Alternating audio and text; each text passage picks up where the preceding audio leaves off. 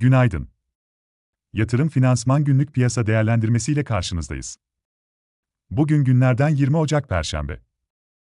Amerika Birleşik Devletleri'nde tahvil faizlerinde artış, Rusya ile ilgili tansiyonun devam etmesi, önemli teknik desteklerin ve ortalamaların aşağı kırılması gibi nedenlerle dün Wall Street'te satıcılı bir gün yaşandı.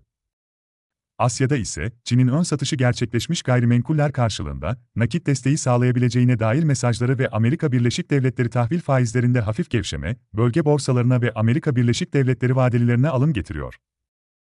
Borsa İstanbul'da, para politikası kurulu kararının bekleneceği güne hafif alıcılı bir başlangıç bekliyoruz. Çarşamba günü yaşanan sert satışlar sonrası, kayıpları telafi arayışı devam edebilir.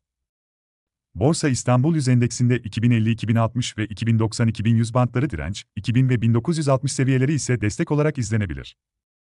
Ajandada ise saat 14'te Türkiye Cumhuriyet Merkez Bankası Para Politikası Kurulu faiz kararı açıklanacak.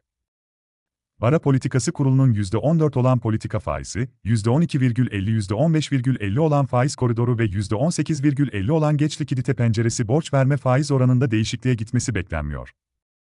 Karar metninde verilecek mesajlar önemini koruyacak, fakat 2022'nin ilk çeyreğinde izlemede kalınmasına yönelik stratejinin değişmesini beklemiyoruz. Ayrıca Merkez Bankası 14.30'da ise haftalık yabancı menkul kıymet işlemlerini ve döviz rezerv tutarını açıklayacak.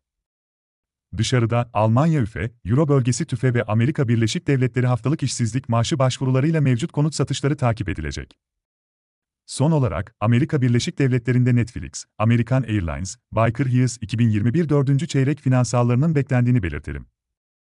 Yatırım finansman olarak bol kazançlı bir gün dileriz.